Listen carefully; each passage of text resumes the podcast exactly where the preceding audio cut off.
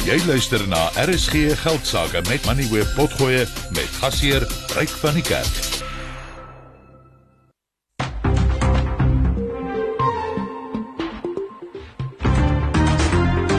Jy luister na RSG Geldsaake met Ryk van die Kerk, jou betroubare bron vir sake en beleggingsinsigte. Goeienaand en hartlik welkom by die program. Hierdie program word aan jou gebring deur Absa. Jy kan aanlyn na Absa skuif en 'n Business Evolve rekening oopmaak. Ons gaan vanaand kyk na 'n hele paar uiteenlopende stories. Uh, ek gaan onder meer gesels met Natasha Viljoen. Sy is die uitvoerende hoof van Anglo American Platinum en ons gaan kyk na die groep se jongste resultate. Dit was hulle tweede beste ooit en uh dit was nadat hulle in 2021 'n ongelooflike rekordjaar beleef het. Die uh, wins was 60% laer, maar is nog steeds die groep se tweede beste resultate ooit. Anglo American Platinum produseer natuurlik omtrent 40% van alle platinum op uh, op die planeet. Ons gaan ook kyk na die huidige stand van die loonverhogings in die staatsdiens. Nou nege vakbonde het verlede week laat blyk hulle gaan begin staak oor die regering wat verlede jaar 'n uh, 3% verhoging eensydig in werking gestel het. Hulle wil 'n uh, beter aanbod daar hê. En 'n ander groep vakbonde is uh, egter reeds besig om oor die nuwe loonverhogings te onderhandel wat uh, vir die volgende 3 jaar sal geld. Ek gaan met Jannie Oosthuizen van die Vereniging van Staatsamptenare daaroor gesels. Uh, die Vereniging van Staatsamptenare is nie deel van die groep wat gaan staak nie.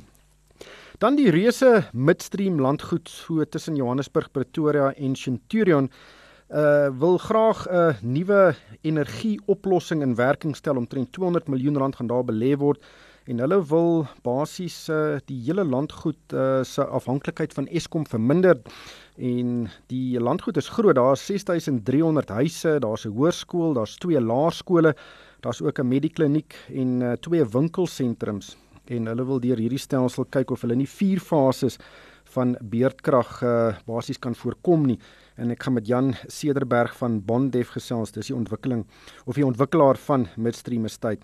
Dan Portugal het pas sy sogenaamde goue visum program geskraap.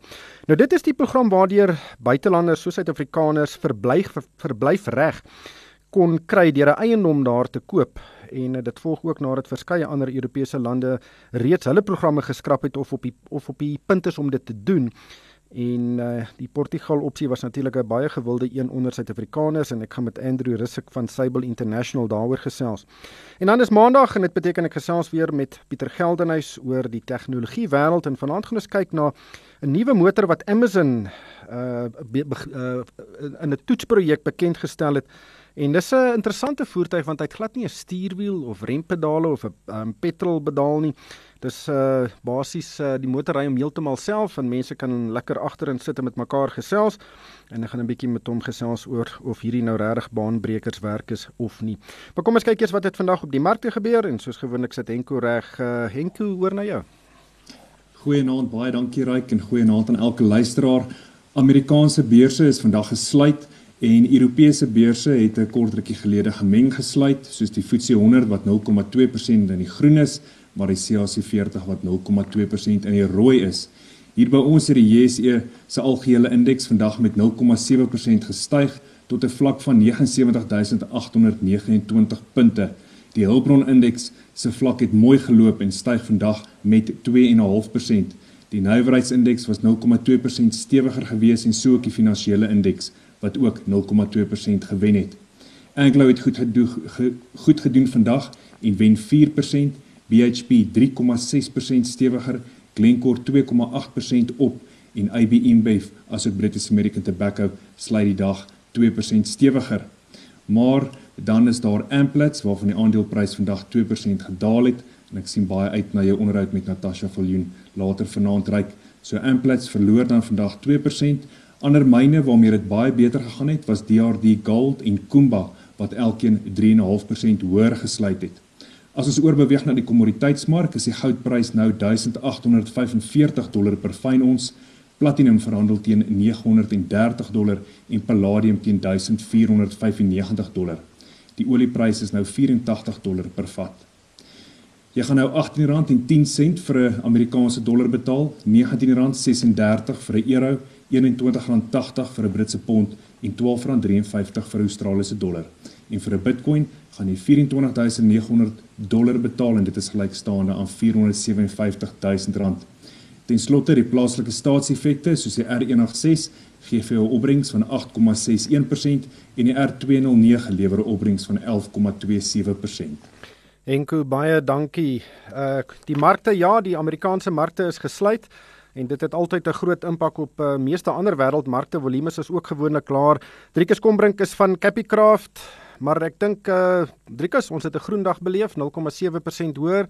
Uh ons sal dit vat.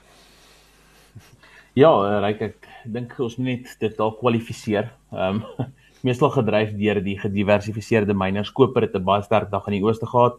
So ook Eystererts. Eystererts uh, het uh ver oggend vlakke van noord van 130 dollar gaan sluit in die ooste en dit is die sterkste vlakke sedert Junie en dit het baie belangrike tegniese weerstandsvlakke gebreek en daarom uh en en uh dit gelyk is asof die ysterertsprys sy kop stamp vir geruime tyd die laaste paar weke deur daai vlakke nou en daarom um iets soos Anglo American wat sterker is vandag met amper 4% ten spyte daarvan dat Amplats een van sy groot filiale af is met amper 2%. BHP Billiton Kumba wat wat nou net ook genoem is almal ystererts wat swaar is in hulle portefeuilles en dis baie sterk op. Glencore natuurlik die koperprys. So metale baie sterker uh, en dis dis maar die uh, stiekrag van die ooste af. Geen stiekrag van die weste af op hierdie stadium nie. Wat ek wel kan sê is is dat die rand effens verswak het weer vanoggend nadat dit versterk het Vrydagmiddag. Ehm um, op uh, jy weet in die FSA, ons het vlakke van amper 1830 gesien Vrydag deur die dag hierso, maar dit het versterk na amper onder vlakke van die 18 ehm um, vroeg vanoggend deur die loop van die dag uh, het dit so effens 'n uh, momentum verloor en dit gaan maar oor eh, 'n uh, sterker dollar wat nog steeds maar 'n uh, tema is die laaste week of so. Ja, ek dink ons gaan nog 'n baie wisselvallige wisselkoers sien. Ehm um, natuurlik is die rand 'n baie wisselvallige ehm um, ehm um, weet 'n geldeenheid in die wêreld, maar dit is vir my regtig eintlik weet elke keer as ek na die na die rand kyk, kyk ek onmiddellik na die oliepryse ook uh, en daar sprake dat ons 'n baie groot brandstofprysverhoging kan sien ehm um, aanstaande maand en en dit is maar kommerwekkend maar ek dink mense moet jou self nou nie heeltemal altyd blind staar as hy een of twee dae reg bokspring nie. Dit lyk daarom asof die rand elke keer daarom weer na rondom die 18 rand toe terugkeer vir al die afgelope paar maande. Ja, uh, maar ek, ek dink ons moet onthou die rand was 1850 gewees verlede jaar ehm um, wat was dit November se kant toe gewees. Net vir ja, no, begin November wat tyd 1855 gaan draai. Ehm um, so nog steeds heelwat sterker vlakke as toe. En ehm um, ongelukkig uh, jy weet daar's twee faktore wat die rand dryf en is plaaslik, jy weet ons ons weet wat die slegte nuus is, hoef nie vir mekaar te sê weer nie. Ehm um, en dan die begroting wat wat ook natuurlik voor lê is uh gaan weeg op die rand en enige verrassing sal natuurlik sleg wees vir die rand. Maar ek dink 'n groot gedeelte van die beweging wat ons sien laaste ruk weer is dat die mark ewe skielik in die laaste week of twee agterkom. Baie sterk syfers uit die FSA uit. Ehm um, kleinhandelverkope, alhoewel die inflasie syfers laer is, is dit nie so laag as wat die mark verhoop nie. En dit beteken hoër rentekoerse vir langer in die wêreld se grootste ekonomie. En uh, dit beteken ook hoër rentekoerse elders en daai word afgeforseer deur swakker uh, wisselkoerse. Ja, ons sal uh, die begroting fyn dophou. Daar kan daar moet sekere groot aankondigings wees. Ek dink nie ons kan meer langer wag voor die regering 'n uh, eh, besluit neem nie veral oor Eskom en uh, so ons wil dit fyn dophou hierdie hele week en en hooplik is daar daarmee 'n positiewe verrassing. So kyk na opbrengste wat die mark klop terwyl jou kapitaal beskerm word dan hoef jy nie verder as Lorium Capital se verskansingsfondse te kyk nie. Met 14 jaar se uitstekende prestasie, is dit tyd om weer na die diversifikasie van jou beleggingsportefeulje te kyk. Vir meer inligting oor een van Suid-Afrika se voorste verskansingsfondsbestuurders, gesels met jou finansiële raadgewer of besoek Lorium Capital by www.loriumcapital.com. Belê met die slim geld. Larium Capital is 'n geregistreerde verskaffer van finansiële dienste. Vind uit watter Absa Business Evolve rekening by jou besigheid pas en open vandag nog een aanlyn. Ons doen meer sodat jy kan. Dis Africanacity. Absa se gemagtigde FTV en geregistreerde kredietverskaffer. Besenfees geld. Vir die belangrikste sake nuus, skakel in op RSG Geldsaake. Anglo American Platinum is die grootste enkele produsent van platinum groepmetale in die wêreld en dit produseer bykans 40% van alle platinum op aarde. Anglo American besit sowat 80% van die maatskappy. Dit het meer as 30 000 werknemers in sy diens en die groep bedryf 5 myne in die Bosveld kompleks in Suid-Afrika en ook een in Zimbabwe. Die groep het vandag winssyfers vir verlede jaar bekend gemaak en dit volg nadat die groep in sy vorige boekjaar 'n ongelooflike rekordjaar beleef het. Nou in die jongste boekjaar was die omset so 23% laer op 164 miljard rand. Die wesensverdienste val met 38% tot 49 miljard rand. Die groep het 'n slotdividend van R34 per aandeel verklaar en dit bring die totale dividend vir die jaar op R115 per aandeel te staan en uh, dit is sowat 60% laer as die vorige boekjaar. Natasha Viljoen is die uitvoerende hoof en sy is op die lyn. Natasha, baie welkom by die program. Hierdie vertoning is heelwat swakker as julle vorige rekordjaar. Natuurlik het daar ook ander winde teen die hele mynbedryf vlede jaar gewaai, maar kan jy dit vir ons net in perspektief plaas? Hoe moet aandeelhouers na hierdie state kyk? Ek dink dis 'n baie belangrike vraag wat jy vra om hierdie resultate in konteks te sit. Eerstens, dit is die tweede beste stel resultate wat ons uitgesit het in 2022.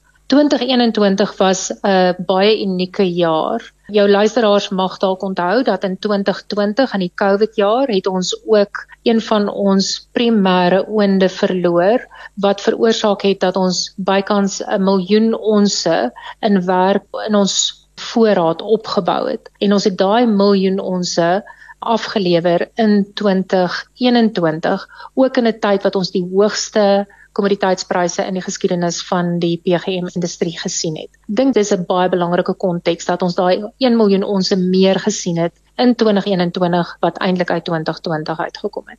Dis die eerste punt. Ek dink dit is dalk belangrik vir ons om na onderliggende items te gaan kyk oor hoe ons mynbouoperasies gedoen het want dit gee vir jou 'n realistiese verwysing oor hoe die maatskappy presteer het.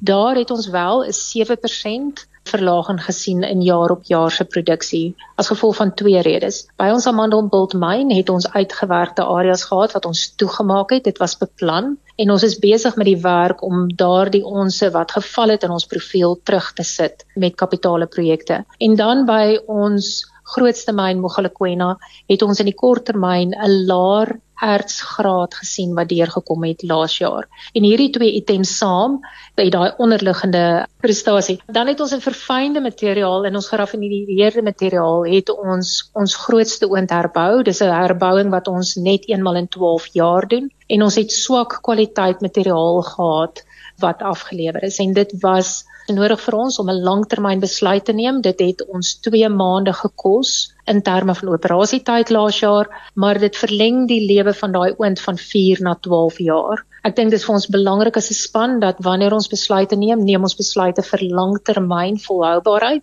en dit was een so besluit wat ons geneem het. En as gevolg daarvan het ons omtrent 100 000 onsse opgebou in ons voorraad. Dan is daar dan laastens inflasie. Ons het 'n mynbou mandjie van amper 18% in inflasie gesien. Ten spyte van al die uitdagings wat die spanne gehad het, baie goeie werk gedoen om koste onder beheer te hou en ons het dit gesien as 'n 11% verhoging in koste in plaas van die 18% in inflasie wat ons teer sien kom het. Ja, julle het basies 50 miljard rand wins gemaak in 2022 oor die 80 miljard in die jaar voor dit en julle het 'n geweldige hoeveelheid dividende aan aandeelhouers uitgekeer. Maar julle kontantposisie is absoluut ongelooflik. Waarop fokus julle op die oomblik op 'n strategiese vlak? Waar wil julle uitbrei, veral in Suid-Afrika? Wat is die plan om daai geld te maak? Eerstens is dit belangrik dalk net om uit te wys dat 'n gedeelte van die 28 miljard rand wat ons in kontantvloei op ons balansstaat het, 'n groot gedeelte daarvan is 'n vooruitbetaling van een van ons groot kliënte. En daai vooruitbetaling neem in ag ons aflewering van metaal aan daardie kliënt en ook die prys van die kommoditeitspryse. So al daai geld is nie noodwendig kontantvloei nie. Ons het al die kontantvloei van 2022 uitbetaal in dividende wat daai 62% opbrengs gelewer het. Jou vraag egter is oor groei. Waar lê die toekoms? Ons bly baie positief oor die mark vir ons mandjie van produkte. Ons het die wêreld se beste operasies en met baie lang lewe in ons ertsreserwes. Mogalakwena is ons primêre grootste myn met ten minste tussen 300 en 600 000 ons per jaar groei potensiaal. Net in die volgende 3 jaar het ons naaste by 8 miljard rand is in die pipeline om goedgekeur te word vir die ontwikkeling van daai myn tot sy vol potensiaal. Dit is 'n myn wat meer as 100 jaar lewe het. Net om die luisteraars 'n indikasie te gee, ons reserves het ons met een van die grootste geologiese boorprogramme in die wêreld het ons aangevul en ons het 'n baie klein gedeelte van 'n nuwe ondergrondse myn in ons reserves verklaar hierdie jaar as 'n resource. En ons het bykans 18 miljoen onsse alreeds bygesit en dit is 20% van een van 5 potensiële myne in daardie myn. Op een van die uh, bladsye in julle voorlegging wat julle vandag aan beleggers gedoen het, wys julle die koste inflasie wat jy beleef. Julle arbeidskoste was 7% hoër, julle elektrisiteitskoste 11% op, instandhouding 16% en dan verbruiksitems 23 So daar's geweldige inflasie druk op die maatskappy. Ek wil graag fokus op elektrisiteit in Suid-Afrika want ons gaan nou verjaar sien dat die elektrisiteitstariewe met amper 19% gaan groei. Julle is ook besig om wesentlik te belê in julle eie sonplase om self julle krag op te wek. Hoe groot negatiewe impak het die elektrisiteitssituasie in Suid-Afrika op julle? Dit het soos met almal veroorsaak 'n groot uitdaging vir ons. Ons het heelwat programme aan die gang om dit te probeer te te werk ons begin deur te kyk om ons eie verbruik so laag as moontlik te hou. Ons belyn ons produksie en ons instandhoudingsskedules so ver as moontlik met tye wanneer ons inkorting vooruitskat. Ons het 'n model wat vir ons 'n goeie indikasie gee oor wanneer ons inkorting kan verwag. Dalk net belangrik wanneer die publiek beurtkrag ervaar kry ons nie noodwendig altyd inkorting nie. Oor die algemeen omdat ons 'n intensiewe gebruiker is, Wanneer die publiek 'n vlak 6 van beerkrag ervaar, kry ons gewoonlik 'n vlak 4 en ons het 'n vooruitskatting gedoen in een van ons scenario's om te sê as ons een dag 'n week op vlak 4 het en twee dae 'n week op vlak 2 het, het dit bykans 'n 5% impak op ons geraffineerde produksie. So dit is vir ons regtig 'n groot impak. Wat ons besig is om te doen, ons het korttermynplanne waarin ons kyk na regtig korttermyn alternatiewe energiebronne, maar dan het ons ook ons sonplaasprogram. Ons het 'n 100 megawatt sonplaasprogram by Mogalakwena wat op skedule is om aan die gang te wees teen einde 2024.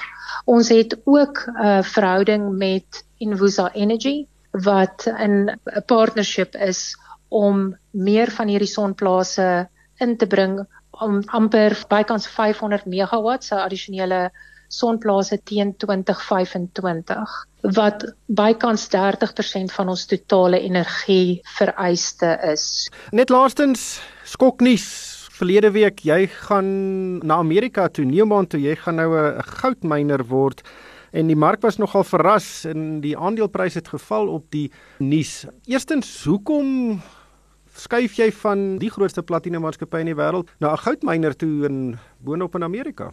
In die mynbouomgewing is daar net 'n handvol unieke rolle, spesifiek ook in maatskappye wat ons waardestelsel en doelwitte en my persoonlike waardestelsel en doelwitte mee belyn. En uh, Anglo American Platinum, Anglo American het verseker ook van daai waardestelsel en waardestelsels.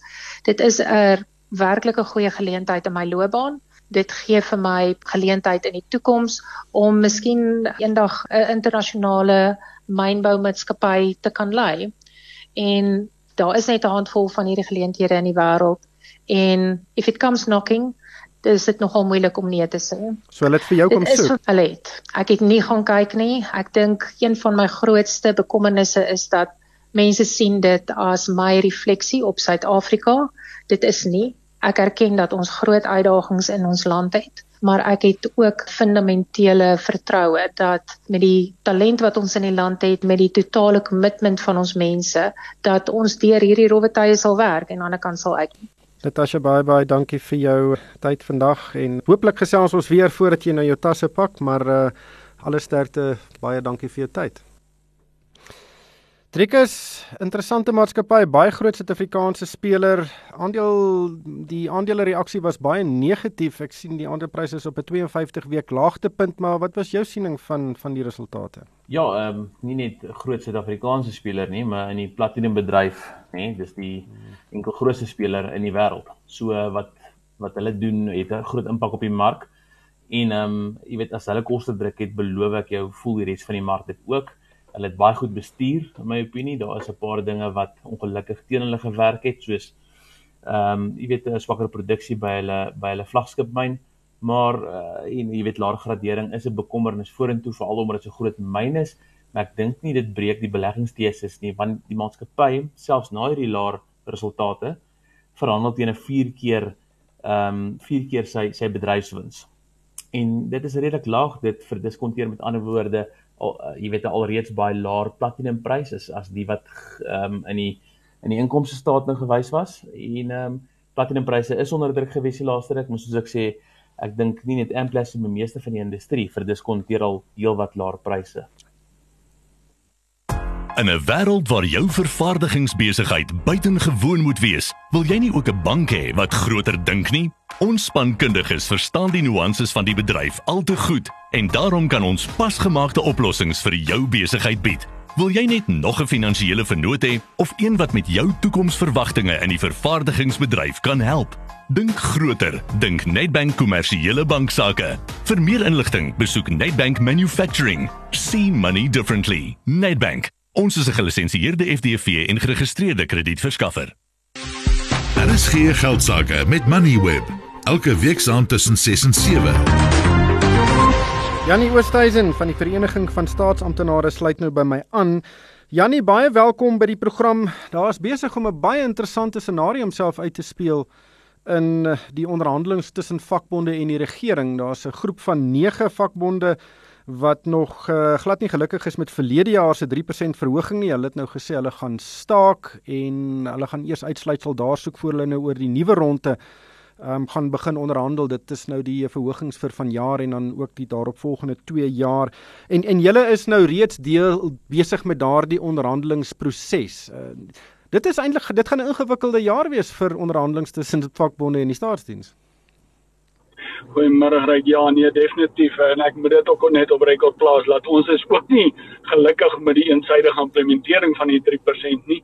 Maar uh, ja, ons het 'n besluit geneem om voort te gaan met 2023-2024 se onderhandelinge want ons lede het redelik finansiëel 'n uh, druk ervaar van die geld wat afgetrek is van hulle salarisse oor die staking wat ons verlede jaar geïnisieer het.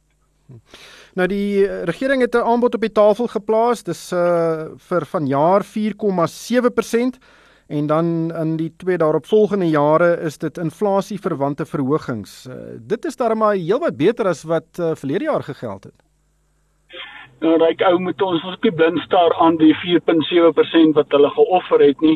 Ons moet gaan kyk. Onthou daar is 'n kontant gratifikasie wat die werkgewer nou basies gevat het en hulle het die berekeninge gedoen. So dis die kontant gratifikasie as jy hom bereken wat daar 4.5 was.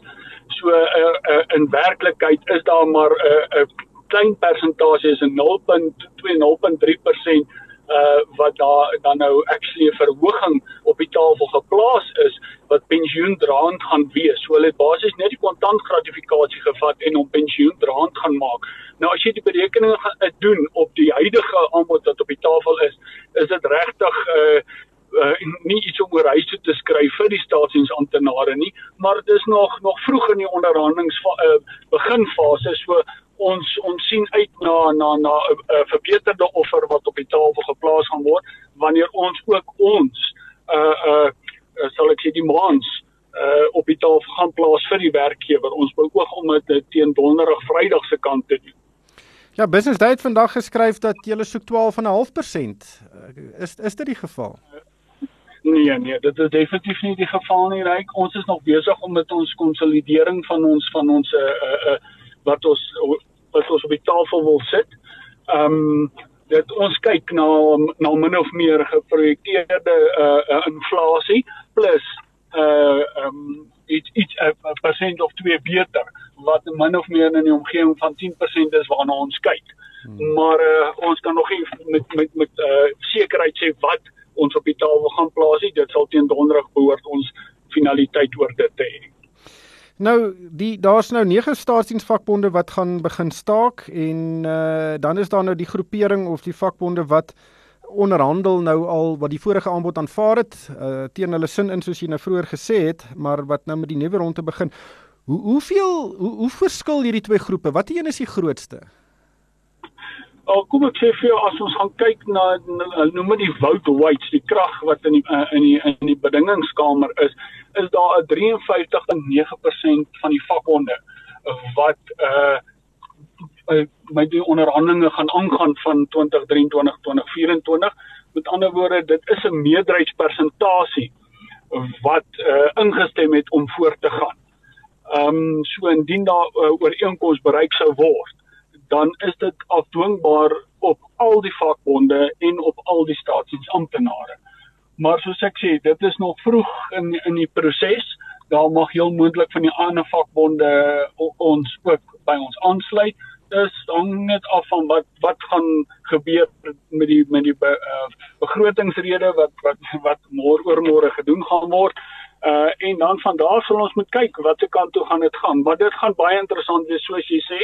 Ehm um, ek ek dink nie dit gaan 'n baie maklike jaar wees nie, maar ons is vol vertroue dat ons wel 'n redelike en 'n billike uh verhoging hierdie jaar vir die staatsdiensamptenare sal kan bewerkstellig. Het julle al ooit so 'n scenario gesien waar sekere vakbonde met 'n uh, onderhandelingsronde voortgaan en ander vakbonde nie omdat hulle ongelukkig is oor wat in die verlede gebeur het?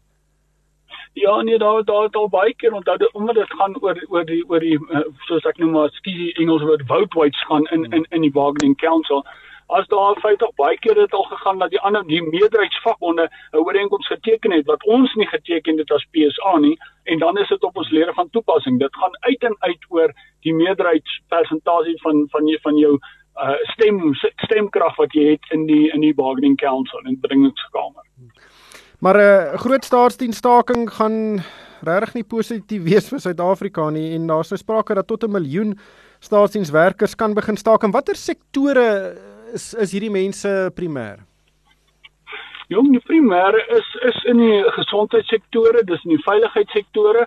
Ehm um, dit is actually reg oor die hele breë staatsdiens wat die vakbonde wat tot staking wil oorgaan uh, lede verteenwoordig. En ja, dit dit dit dit gaan 'n groot impak hê op die op die op die land en op die ekonomie. En dis waarom ons as PSA besluit het hierdie jaar ons lede het genoeg uh uh um finansiëel swaar gekry vir hierdie jaar met die staking wat ons aangekondig het in terme van klousules 64 van die wet op arbeidsverhoudinge en daarom kan ons nie sien gegee die ekonomiese omstandighede van die land dat ons lede verder gaan swaar kry nie. En as hulle die kontant gratifikasie gaan wegvat soos op 31 Maart 2023 dan gaan ons lede nog 1000 rand minder in hulle sakke hê. En daarom is dit vir ons belangrik om te kyk of ons nie 'n ooreenkoms kan kry voor daai tyd om daai buffer vir ons lede uh daarom daar te kan gee om die die die las te verlig. Gepraat van die begroting Woensdag, een van die uh sake wat seker heel bo aan die agenda gaan wees. Eskom is seker heel bo, maar wat ook gaan opkom is die staatsdiens uh rekening, die die staats uh, salarisse wat reg uh, wêreldwyd baie baie hoog is. Nou natuurlik julle wil hoër verhogings vir julle werkers of julle lede beding. Aan die ander kant moet Suid-Afrika na sy fiskale posisie kyk. Uh, het julle enige voorstelle van hoe die staat sy salarisrekening kan sny? Wel, ek sal nie sê ons ons het ons het voorstelle van hoe hy dit kan sny nie. Ehm um, ek dink hulle moet begin by die by die uh, topposisies. Ek dink die die staatsdiens is is is het baie topstrukture, kom ons sê top heavy in Engelse terme. Nee, en ek dink hulle moet eerder daar begin kyk en na die kabinet uh begin kyk voordat hulle na die staatsdiensamptenare toe kom. As ons gaan kyk na die na die uh uh hoeveel dit staatsdiensamptenare daar is in die in die ratio in verhouding met wat die populasie is, is daar regtig actually 'n groot tekort. Ek meen die die die president het dit uh, in sy in sy sauna het hy dit gesê dat daar is 'n tekort van polisie, daar is 'n tekort van gesondheidswerkers en 'n groot tekort, daar is 'n tekort van van korrektiewe dienste beamptes. En ons praat van 18000, 20000 plus in die onderwys af is daar 'n tekort. So ek kan nie sien dat hulle dit kan sny nie. Ek dink net hulle moet dalk 'n herstrukturering doen van die departemente wat wat wat se funksies miskien oorvleuel. Dis maar nou ou kan gaan kyk en ons het dit al seker 4, 5 jaar terug het ons 'n voorstel aan die, aan die aan die president en sy kabinet gemaak rondom dit. Maar uh, hmm. ons weet ook die politiek, dis maar 'n dis maar 'n 'n 'n lelike spel ja. en ja, ehm um, dis maar dis maar 'n probleem waarmee ons sit. Janie, ons sal dit daarmee los. Dankie vir jou tyd vanaand. Dit was Janie Oosthuizen van die Vereniging van Staatsamptenare. Maatskappye wat soet koeldrank maak, teken ons om 'n wins te maak. Elke slukkie wat ons neem, stort suiker in ons liggame, wat ons siek maak en ons tande laat verrot. Ons het strenger wette nodig om ons te beskerm. Minder suiker, meer lewe. Gee jou ondersteuning WhatsApp 076 174 7999.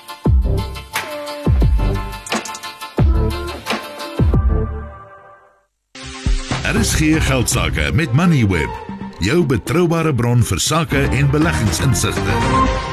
Die Midstream landgoed is tussen Johannesburg, Pretoria en Centurion hier in Gauteng en dis 'n reuse ontwikkeling. Die eerste grond is in 2003 gebreek en vandag bestaan dit uit verskeie sekuriteitslandgoedere met 6300 huise, 'n hoërskool en twee laerskole. Daar's 'n medikliniek, hospitaal en ook twee winkelsentrums. En soos omtrent elke ontwikkeling in die land word dit hard deur beerdkrag getref. Nou die ontwikkeling beplan nou om 'n hernubare energieoplossing uh van sowat 200 miljoen rand te bou om die inwoners teen vier fases van beerdkrag te beskerm. Jan Zederberg is van Bondef, dis die ontwikkelaar van Midstream Midstream. Uh Jan, welkom by die program. Kortliks, wat behels hierdie oplossing? Dankie Ryk, yes.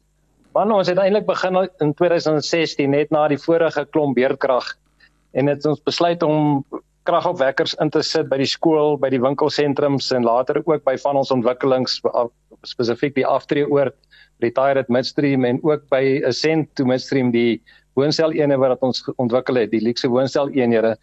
En soos ons vandag praat, is omtrent 1 uit 6 van die wooneenhede in midstream is klaar vrygestel van beerkrag omdat hulle staat maak op kragopwekkers.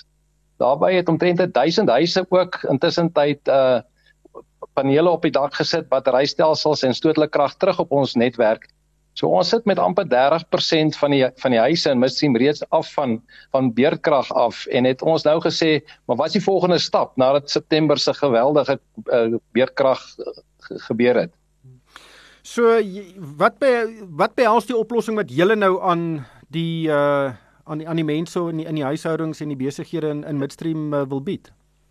Ja, die plan kortliks lyk is dat ons wil 'n groot batterybank insit. Ons gaan 'n sonplaas bou wat gaan krag opwek wat dit soontoe gaan stoot. Ons gaan al die huise se krag wat opgewek word, gaan ons dan versamel in die batterybank. En dan het ons 'n slim stelsel geïnstalleer al die afgelope 15 jaar dat ons kan elke huis elke minuut se kragverbruik meet. So die plan is vorentoe mense, dis opsioneel, mense is nie verplig om aan te sluit nie en hulle word hulle kragverbruik word dan gemeet in die tyd van beerkrag en hulle word dan 'n addisionele premie wat dan die batterybank sal afbetaal ge gehef in daai tydjie van beerdkrag spesifiek op wat hulle sou verbruik in daai tyd. So die mense daar, hulle betaal net meer as 'n beerdkrag is en hulle krag uit daardie uh batterybank nou onttrek. Dis presies reg, ja. En hoeveel betaal hulle daarvoor? Hulle gaan aan die orde van 'n rand 50 betaal per uur. Ehm um, dit werk om en by vir fase 1 tot 3, om en by 2.500 rand 'n jaar sal die totale koste wees. So oor 2 jaar net so onder die 5000 rand sal die bedrag geld wees. 150 kilowattuur neem ek aan. 150 kilowattuur ja. Nou hierdie oplossing, uh ek neem aan dit word ekstern gefinansier. So daar's nie groot kapitale bydraes wat uh die huishoudings en die besighede nou moet maak nie. Dis dit word dit ekstern gefinansier. Ryk uh ons van Bondef se kant af gaan die gaan die bedrag waarborg. Daar word glad nie van die heffings verhaal van die van die inwoners af nie. Hulle betaal absoluut net wat hulle verbruik. En ons het die vermoë om die wat dan nie wil deelneem nie dan af te skakel in daai tydjie van beerdkrag. Jy weet so so die wat die wat wil inskakel gaan voordele daai trek en dan uh, hulle bydra maak en die ander het wat dan kies om nie deel te wees nie sal ons kan afskakel. Nou ek is seker daar's baie mense wat hierna luister wat in landgoedere bly wat ook baie gefrustreerd is met beerdkrag en ook nie honderde duisende rande het om hulle eie panele op die dak te sit nie. Uh, is hierdie 'n algemene oplossing wat by ander um, landgoedere ook in werking gestel kan word of is dit taamlik uniek tot Midstream? Ek ek dink die uniekheid by Midstream is dat ons het 'n direkte Eskom aansluiting en is 'n enkel netwerk wat dan bestuur word van 'n sentrale beheerpunt af. Ehm um, ek is seker dat met tyd sal die staatsraad daarby kan uitkom, maar wat Midstream se afskop so, so uniek maak en ek kan net noem ons het dit getoets in die in die gemeenskap en ons het meer as 'n 3 kwart amper 4500 stemme gekry en 90% plus mense het gestem daarvoor.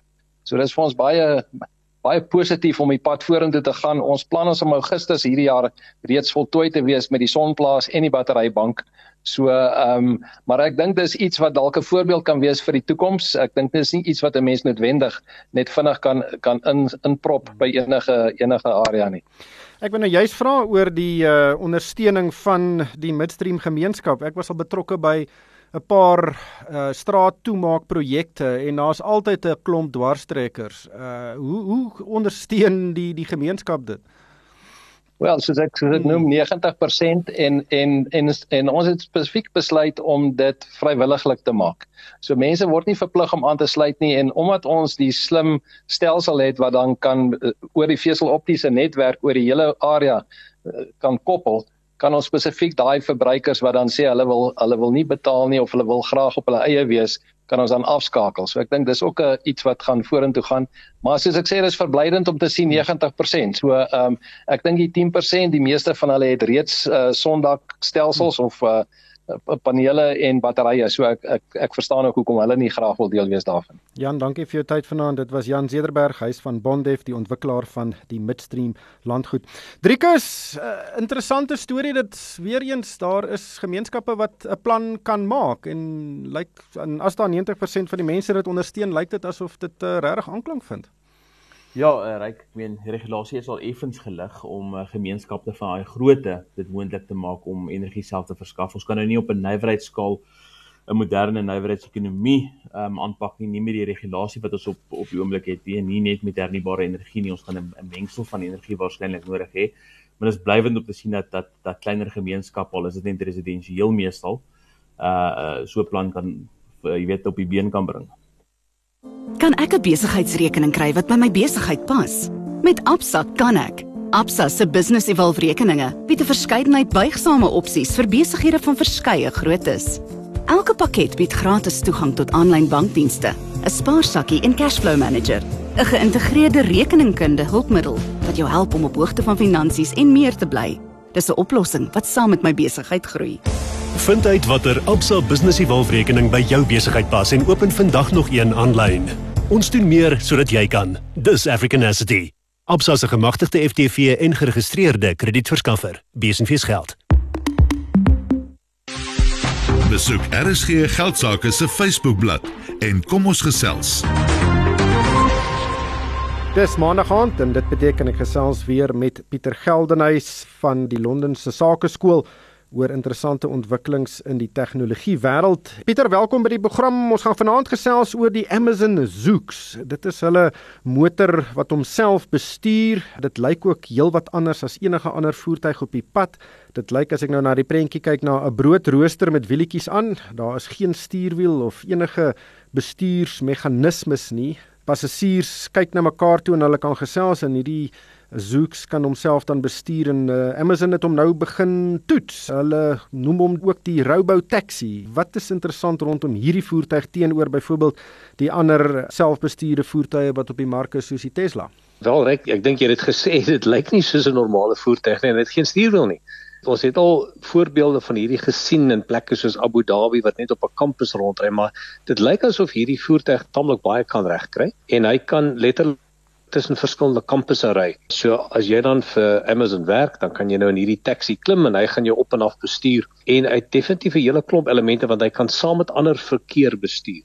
Die wat ons in plekke soos Abu Dhabi vir die laaste 3 jaar gesien het, is daar geen ander voertuie nie. Dit is fisiese voertuig wat rondry en daar's geen ander verkeer wat hy in ag moet neem nie. Maar hierdie Zoox taxi kan nou letterlik binne in ander verkeer ry en alhoewel dit amper beskermde omgewing is want hy ry tussen kampusse kan hy letterlik tussen ander verkeer ry. En daarom is dit 'n tamelike goeie deurbraak om dan binne 'n voertuig te kan klim sonder enige bestuurder en sonder enige stuurwiel en waar hierdie robot taksies dan tussen verskillende geboue jou op en af kan bestuur. Ja, die teorie klink dit baie goed en ek dink dit kan ook die veiligheidsvlakke van padvervoer wesentlik verbeter, maar dit kom ook kort nadat 'n Tesla, dit word gesien as die markleier In Desember was een van sy voertuie in 'n baie groot ongeluk betrokke. Daar's mense dood in daardie ongeluk en daardie program het uh, nogal geweldige reputasieskade gelei en daar moet nou weer ontwikkelingswerk gedoen word.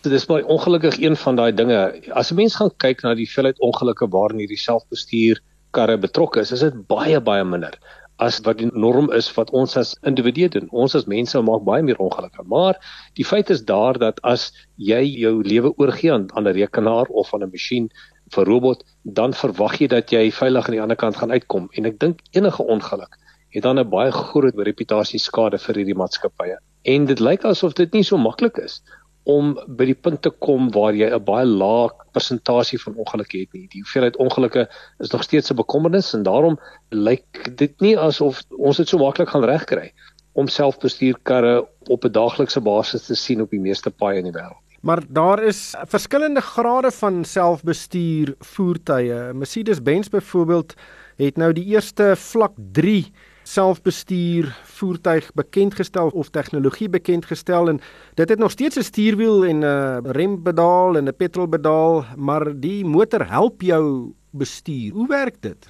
Selfs hier in Suid-Afrika kan jy al reeds karre kry waar jy dinamiese rem opsies het en hy ook binne in die lane kan bly op 'n snelweg. Maar jy moet jou hand op die stuurwiel hou. Dan jy 'n vlak 2 wat vereis dat jy nie die stuurwiel vas te hou nie, maar die voertuig kyk fisies of jou oë op die pad is. En dit word as 'n vlak 2 voertuig gesien en 'n vlak 3 beteken dat jy nie altyd jou oë op die pad hoef te hou nie en op snelweë kan die voertuig dan ry sonder dat jy in die stuur raak en sonder dat jy na die pad kyk. Maar dit word beperk ek dink tot 40 myl per uur en dan het die voertuig totale beheer op die snelweë en kan hoë mate van veiligheid vir jou gee. Dit is die sogenaamde nuwe vlak 3 beskerming wat Mercedes-Benz uitgerol het in Amerika. Dit is nogal interessant dat die verskillende voertuigvervaardigers verskillende strategieë het rondom hierdie selfbestuurde voertuie. Is daar enige tendense wat sigbaar is oor miskien 'n uh, standaard in die toekoms? Jy is heeltemal reg, die Duitsers het 'n baie meer pragmatiese benadering en hulle vat hom stappie vir stappie verder.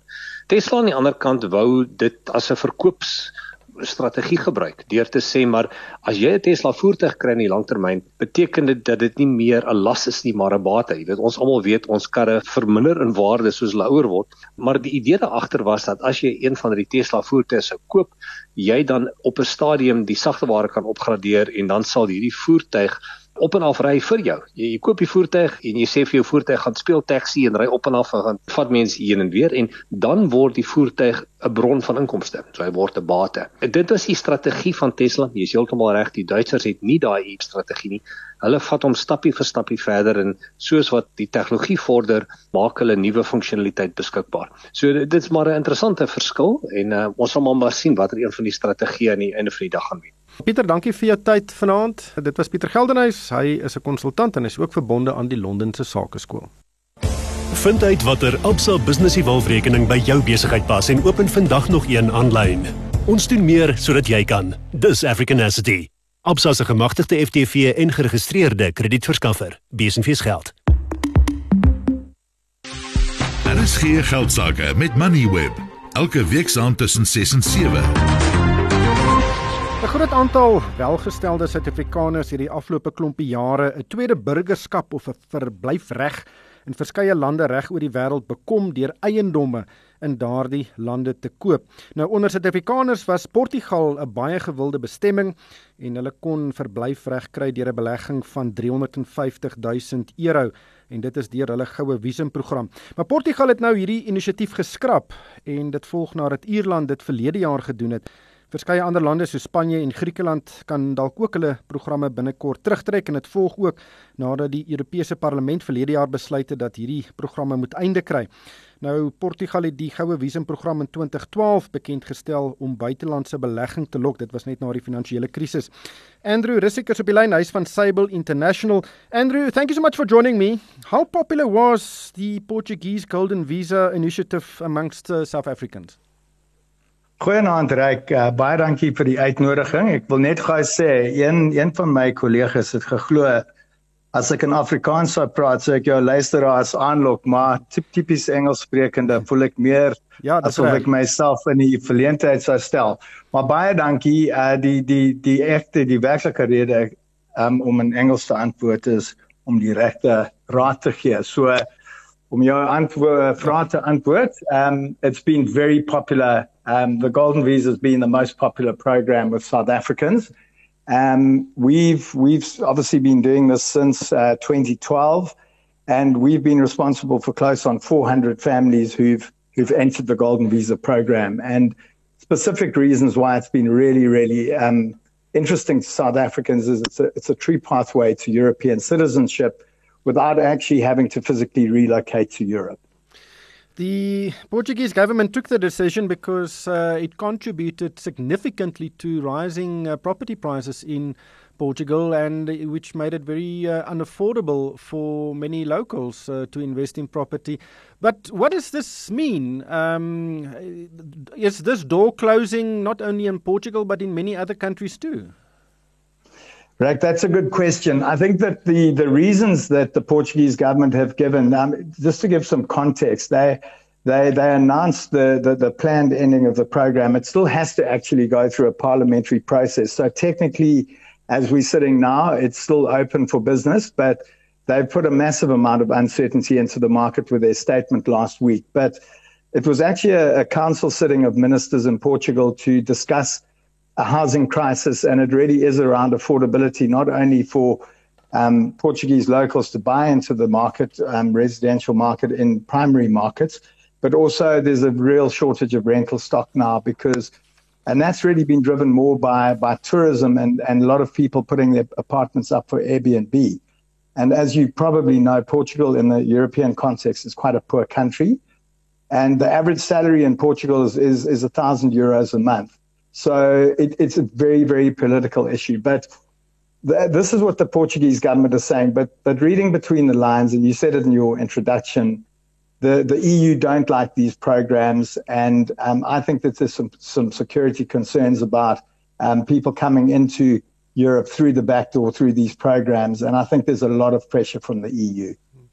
But from a South African perspective, uh, are there other options or golden visa opportunities available?